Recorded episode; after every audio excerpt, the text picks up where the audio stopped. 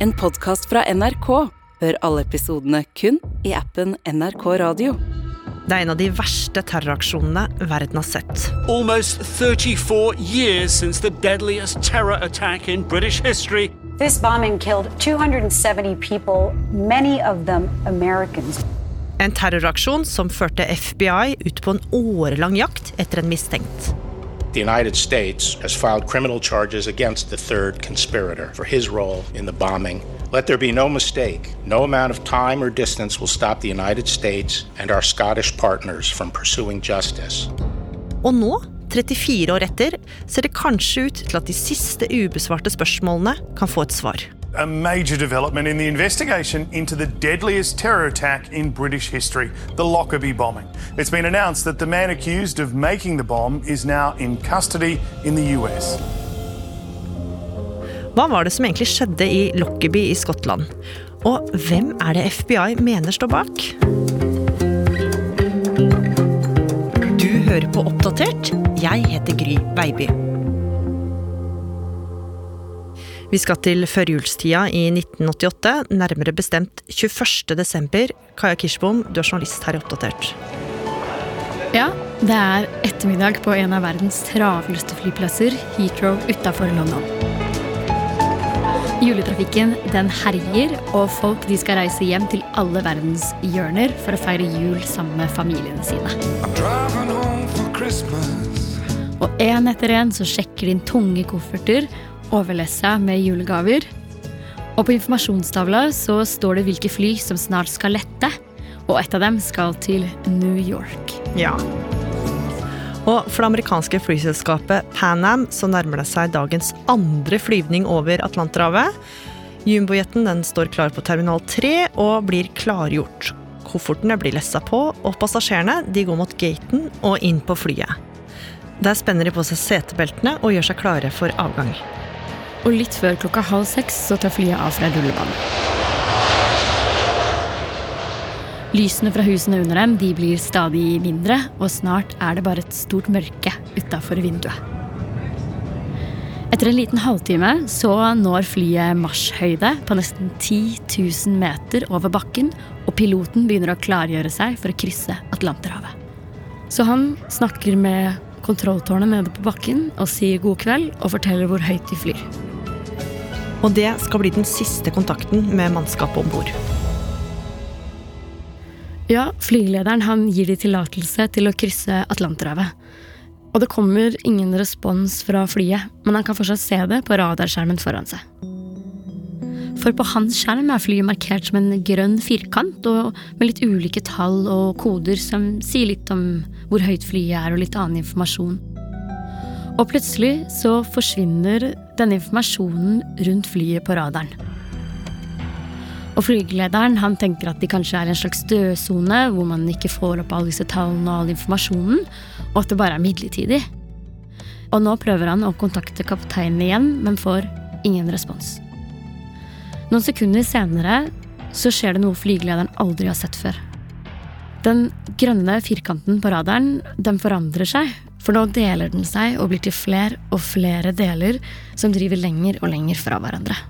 Og så forsvinner signalene helt fra skjermen, og han skjønner at det som har skjedd, er veldig alvorlig.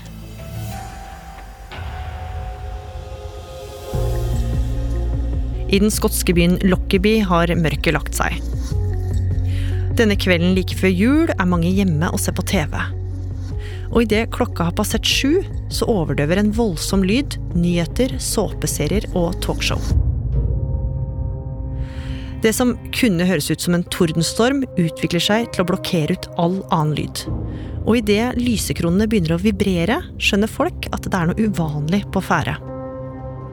Gjennom vinduene kan de se det som ligner en meteor med en lang ildhale bak seg, som er på vei direkte mot Lockerby. Det de ikke veit, er at flyet har eksplodert flere tusen meter opp i lufta over dem. Flere steder i den lille byen og utenfor faller brennende flydeler ned fra himmelen. Flammene står til værs, og i løpet av sekunder så blir et nabolag smadret. En løs flyvinge den dundrer i bakken og lager et krater som strekker seg over flere husrekker. Folk skjønner jo at noe helt forferdelig har skjedd, men det skal bli dagslys før omfanget går opp for dem. Day broke slowly over Lockerbie, over its shadowed ruins, over her dead passengers brought in on stretchers from miles around, over the helicopters who came for survivors, left with the dead. Det er nå faktisk bekreftet at det er ingen overlevende etter flykatastrofen i Skottland i går kveld. Dermed er det klart at dette er den mest omfattende flyulykken noen gang på de britiske øyene. Lockerbie har blitt et helvete på jord. Flydeler, matbrett, kofferter, løse klesplagg og kropper ligger strødd utover folks hjem og jordene. Didn't know what it was, and then we rushed outside and just all this debris coming down. Came straight down, and then this great mass of flames, run, but there's nowhere to run to. Dette er alvorlig. Militæret de blir kalt inn. Helikoptre søker gjennom store områder, og de neste ukene jobber redningsmannskapet natt og dag. It is even worse in daylight than it looked on television at night. Now you can see the full enormity of the damage and the extent of it. This is Lockerbie this morning, where the hunt, regrettably, is now for bodies. It's no longer for survivors. Og i dag, når denne episoden her sendes, altså 21. desember, så er det akkurat 34 år siden denne jumbojeten eksploderte over Lockerbie. Men i 1988 så var politiet fullstendig uvitende om at det skulle ta over 30 år før de fikk tatt den siste de mente sto bak. For de fikk ganske fort mistanke om at det som hadde skjedd, ikke var en ulykke. Fordi det var et amerikansk fly, så kobla FBI seg på og starta etterforskninga sammen med skotsk politi. Og omtrent før de hadde kommet i gang med jakta på gjerningspersonene, så begynte flere grupper å ta på seg ansvaret for det som hadde skjedd. Questions about the disaster are concentrated on the cause of the crash, and there is now very strong speculation that a terrorist bomb caused the plane to disintegrate in midair. Den 4. juli i år skjøt den amerikanske krysseren Vincennes ved en feiltagelse ned et iransk passasjerfly over Persiabukta. En gruppe som kaller seg Våknerne av den islamske revolusjonen, har i en telefon til telegrambyrået Associated Press i London sagt at de nå sprengte Panam-flyet i luften som en hevnaksjon for det som skjedde i Persiabukta i sommer. Nå ringte jo folk inn og hevdet at alt fra israelske Mossad til jihadistiske islamistiske terrornettverk sto bak. Og det var jo heller ikke uvanlig at ulike grupper ville ta på seg ansvaret for sånne store hendelser. Men så kom politiet over et merkelig tips som indikerte at det hele kanskje hadde vært varsla. For noen uker tidligere så hadde en ansatt på en amerikansk ambassade fått en trusseltelefon. American diplomats in Europe were warned more than two weeks ago that there would be a terrorist attack on Pan Am flight from Frankfurt United States. Der skulle en mann med arabisk aksent ha sagt at innen to uker så ville et Pan Am-fly bli sprengt i lufta på samme rute som Lockerbie-flyet. Og at de som sto bak, ville ha en tilknytning til en militant palestinsk organisasjon. Det har de siste ukene gått ut flere advarsler fra etterretningshold om at flyselskapet Pan Am var et sannsynlig terroristmål. Og dette ble tatt alvorlig av amerikanske myndigheter. De sendte ut et varsel til flere amerikanske ambassader og sa at de måtte passe på å være forsiktige. Men det var jo ikke bare de som fikk denne meldingen, for det gjorde også alle amerikanske flyselskap. Pan Am fikk jo også denne beskjeden, men den nådde trolig aldri de ansvarlige for denne flygningen. Og det her skulle jo ikke bli det eneste sporet de fulgte. De analyserte alle data fra flyet, og prøvde også å rekonstruere hele jumbojeten for å prøve å danne seg et bilde av hva som egentlig hadde skjedd. Og med det, Kaja, så la de merke til et hull i flykroppen. Ja, for på venstre side av flykroppen, i samme område som bagasjen hadde blitt oppbevart, så var det et hull på ca. en halvmeter, og der var det flere tydelige tegn etter en eksplosjon. Og dette underbygde virkelig mistanken deres om at det måtte ha vært en bombe om bord på dette flyet.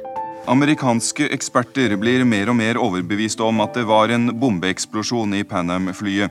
It has been established that two parts of the metal luggage pallet's framework show conclusive evidence of a detonating high explosive. The explosion took place soon after the aircraft had crossed the Scottish border whilst it was in the cruise at 31,000 feet, and that this led directly to its destruction.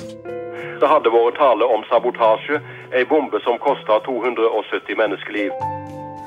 Og ikke bare det. We have now identified the baggage container in which the explosive device was placed. De fant resten av en brun koffert som de mente at bomben skulle ha blitt smuglet om bord med. Og i denne brune kofferten så mente de at det skulle ha vært en kassettspiller hvor bomben lå planta. Og ved siden av der så lå det også noe babytøy. Og det babytøyet, det skulle gi et viktig hint.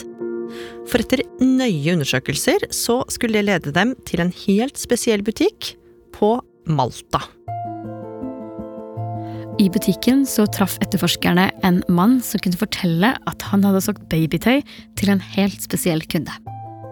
Denne kunden var nemlig sikkerhetssjef for et libysk flyselskap, og etterforskerne mente også at han var en spesialagent. Og koblinga til Libya den skulle bare bli sterkere, Kaja. Ja, fordi det som viste nedtellingen på bomba, var noe de kjente igjen. Den var identisk til samme type timer som en annen libysk agent hadde blitt arrestert med en del tid tidligere. Og den ligna jo på den som var på flyet. Og nå begynte etterforskerne å danne seg et bilde av et motiv, for USA og Libya hadde lenge hatt et svært anstrengt forhold som flere ganger hadde ført til væpnede sammenstøt. Og etter år med intens etterforskning så var ikke FBI lenger i tvil. De mente at Libya sto bak terroraksjonen. Ja, og de hadde tre konkrete mistenkte som de mente hadde handla på vegne av det libyske regimet. To libyere vil bli tiltalt for terrorhandlingen mot et amerikansk fly over Lockerbie i Skottland i desember 1988. To av disse mennene visste de at befant seg i Libya, men landet nektet å utlevere dem. Fra i morgen tidlig klokka fem norsk tid skal FN-sanksjonene etter planen settes i verk dersom Libya ikke utleverer de to Lockerbie-mistenkte. Det betyr bl.a. stans i all flytrafikk og stans i våpensalg til Libya.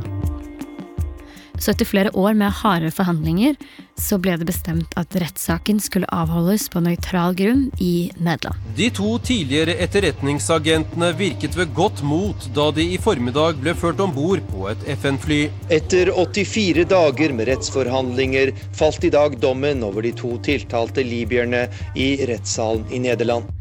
Den ene av bakmennene ble frikjent. Den andre fikk livstid for å ha tatt liv av 270 mennesker. Men den tredje fant de aldri. Noen år seinere, i 2003, så tok Libya på seg ansvaret for terroraksjonen og gikk med på å betale erstatning til de etterlatte.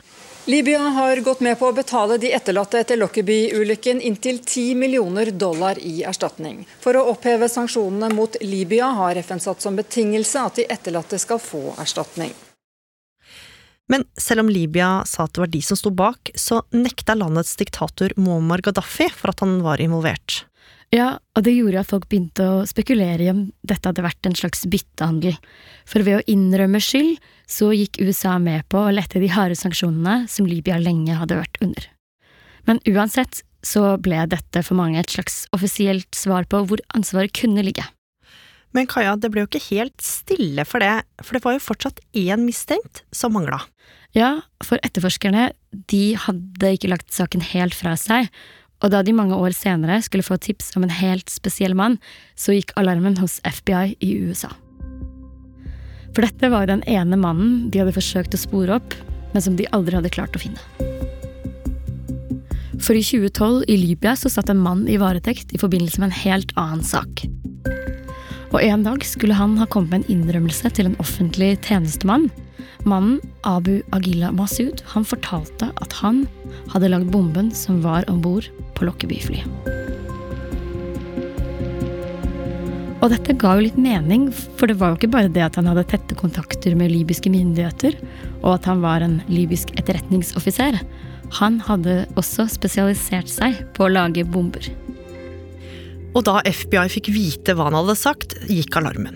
I 2020 så tok de steget og sikta ham. Attorney General William Barr has announced new charges against the bomb maker responsible for the 1988 bombing of Pan Am Flight 103 over Lockerbie, Scotland. Men det var bare ett stort problem, for USA og Libya hadde ikke en utleveringsavtale. Så nå så de etter alternative løsninger for hvordan de skulle klare å få ham til USA. Og i midten av november 2022 så ble han tatt i en hemmelig aksjon. Det var midt på natta i Libyas hovedstad Tripoli, og ut av to pickup-trucker kom væpnede menn fra en lokal milits. De gikk inn i et hus hvor de visste at Masud oppholdt seg, og kidnappet ham. Og etter det skal Masud ha blitt tatt ut av Libya av noen amerikanere. Og etter det så ble han fløyet ut av landet og til Washington DC, hvor han formelt ble siktet av en domstol 12.12. nå i år. Nearly 34 years after the bombing of Pan Am Flight 103 over Lockerbie, Scotland, the suspected bomb maker appearing in a U.S. federal court today. The suspected bomb maker was told by prosecutors he will not face the death penalty. He's finally answering to charges here in the U.S. more than 30 years after the attack that shocked the world just days before Christmas. Og Det hvite hus de har gått ut og har sagt at pågripelsen av Masud skjedde på lovlig vis. Today is a good day uh, because Massoud uh, will be facing justice for his alleged role in the 1988 Lockerbie bombing. This was done in a lawful manner according to established procedures. Og Kaja, nå virker det som han er ett steg nærmere å få svar på alle de ubesvarte spørsmålene, for saken den skal snart opp i retten, og hva skjer videre nå? Den 71 år gamle Masud han sitter i amerikansk varetekt. Og når rettssaken kommer opp, det vet vi ikke, men dette er en sak som kommer til å bli bredt dekka og få stor oppmerksomhet. Det er tross alt snakk om 270 menneskeliv som gikk tapt. En av verdens største terroraksjoner. Og de etterlatte de ønsker nok å få sett den siste antatte gjerningsmannen dømt, så de endelig kan få fred.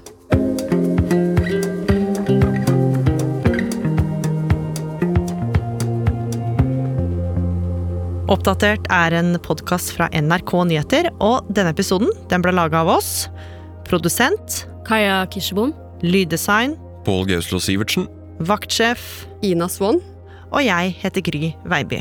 Programredaktør er meg, Knut Magnus Berge. Klippene du har hørt, er fra BBC, ABC, Det hvite hus, CBS, CNN, New York Times og NRK. Har du tips eller innspill, send oss en e-post, da. Adressen er oppdatert krøllalfa nrk.no. En podkast fra NRK. Ronny Bredde Aase. Live Nelvik. Du er en julens mann. Jeg prøver i mest mulig grad å nyte størst mulig del av desember. Det høres ut som en drømmesetning. Og så får jeg selvfølgelig julegrøt risengryns med rosiner og kanel og sukker. Åh, livet er godt når det nærmer seg jul, ass. Hva gir deg julestemning, Live Nelvik? Jeg får julestemning av litt ribbe. Men da lager vi det, da. Mm. Julestemning med Live og Ronny hører du i appen NRK Radio. God jul!